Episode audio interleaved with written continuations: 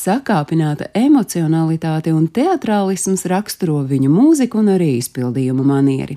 Plašais balss diapazons, iespaidīga vokālā tehnika un harizmātiskais skatuves tēls padarīja viņu par vienu no spilgtākajiem vokālistiem roka vēsturē.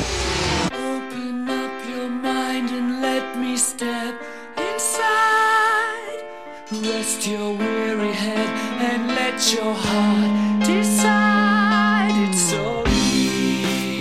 Tas ir Fredijs Merkūrijs, kurš piedzima Zanzibārā ar vārdu Faroks Bulsara. Zēns jau skolas vecumā izrādīja spilgtu muzikalitāti, apguva klavieru spēles pamatus un aizrāvās ar angļu un amerikāņu rokenrolu. 12 gadu vecumā izveidoja savu pirmo grupu. Sākoties Zanzibāras revolūcijai, ģimene emigrēja uz Lielbritāniju kur studējot mākslu un grafisko dizainu, Paraks turpināja muzicēt maz zināmās Liverpūles un Londonas grupās.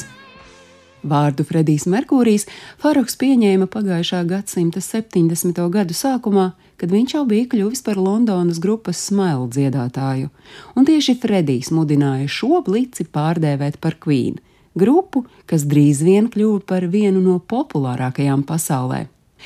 Esot slavas zenītā, Fredijam Merkūrijam diagnosticēja HIV. Tiesa, to viņš ilgu laiku neatklāja nevienam. Par diagnozi nezināja pat grupas biedri.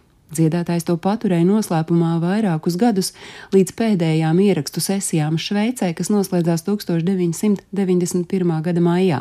Tikai tad par savu slimību viņš pateica saviem tuvākajiem, un turpmāk viņi bija tie, kuri dienu un nakti pieskatīja mūziķi.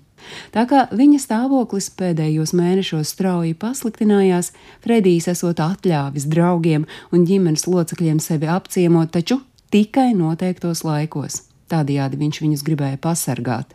Lai gan dziedātājs dzīves pēdējos gados bija piedzīvojis straujas pārmaiņas ārienē, kā arī koncerta darbības izbeigšana deva iemeslu bažām un spekulācijām par to, ka kaut kas ar Frediju nav kārtībā, baumas par nopietnu slimību allaž tika noliektas līdz 1991. gada 23. novembrim, kad Queen managements izplatīja oficiālu paziņojumu, kurā atzina, ka jau vairākus gadus mūziķis ir HIV pozitīvs un inficējies ar aids.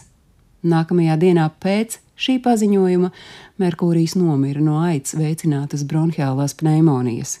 Fredija draugs un personīgais asistents Pīters Frīstauns aprakstīja pēdējo reizi, kad viņam bija atļauts apmeklēt dziedātāju. Tas bijis mazāk kā nedēļu pirms viņa aiziešanas.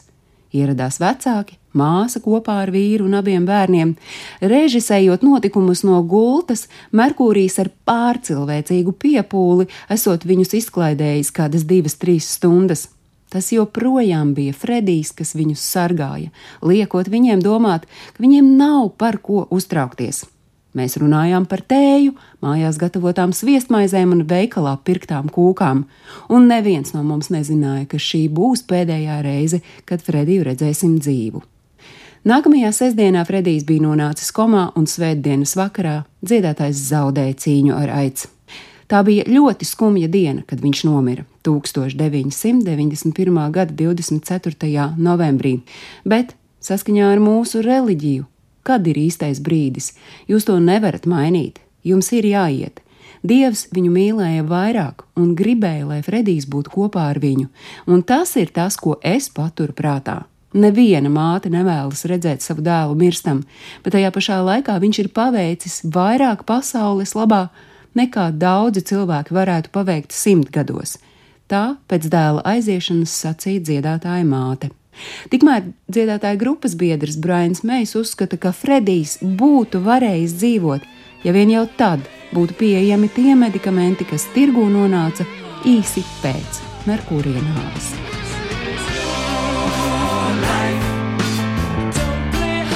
Stāstīja Agnese Runka.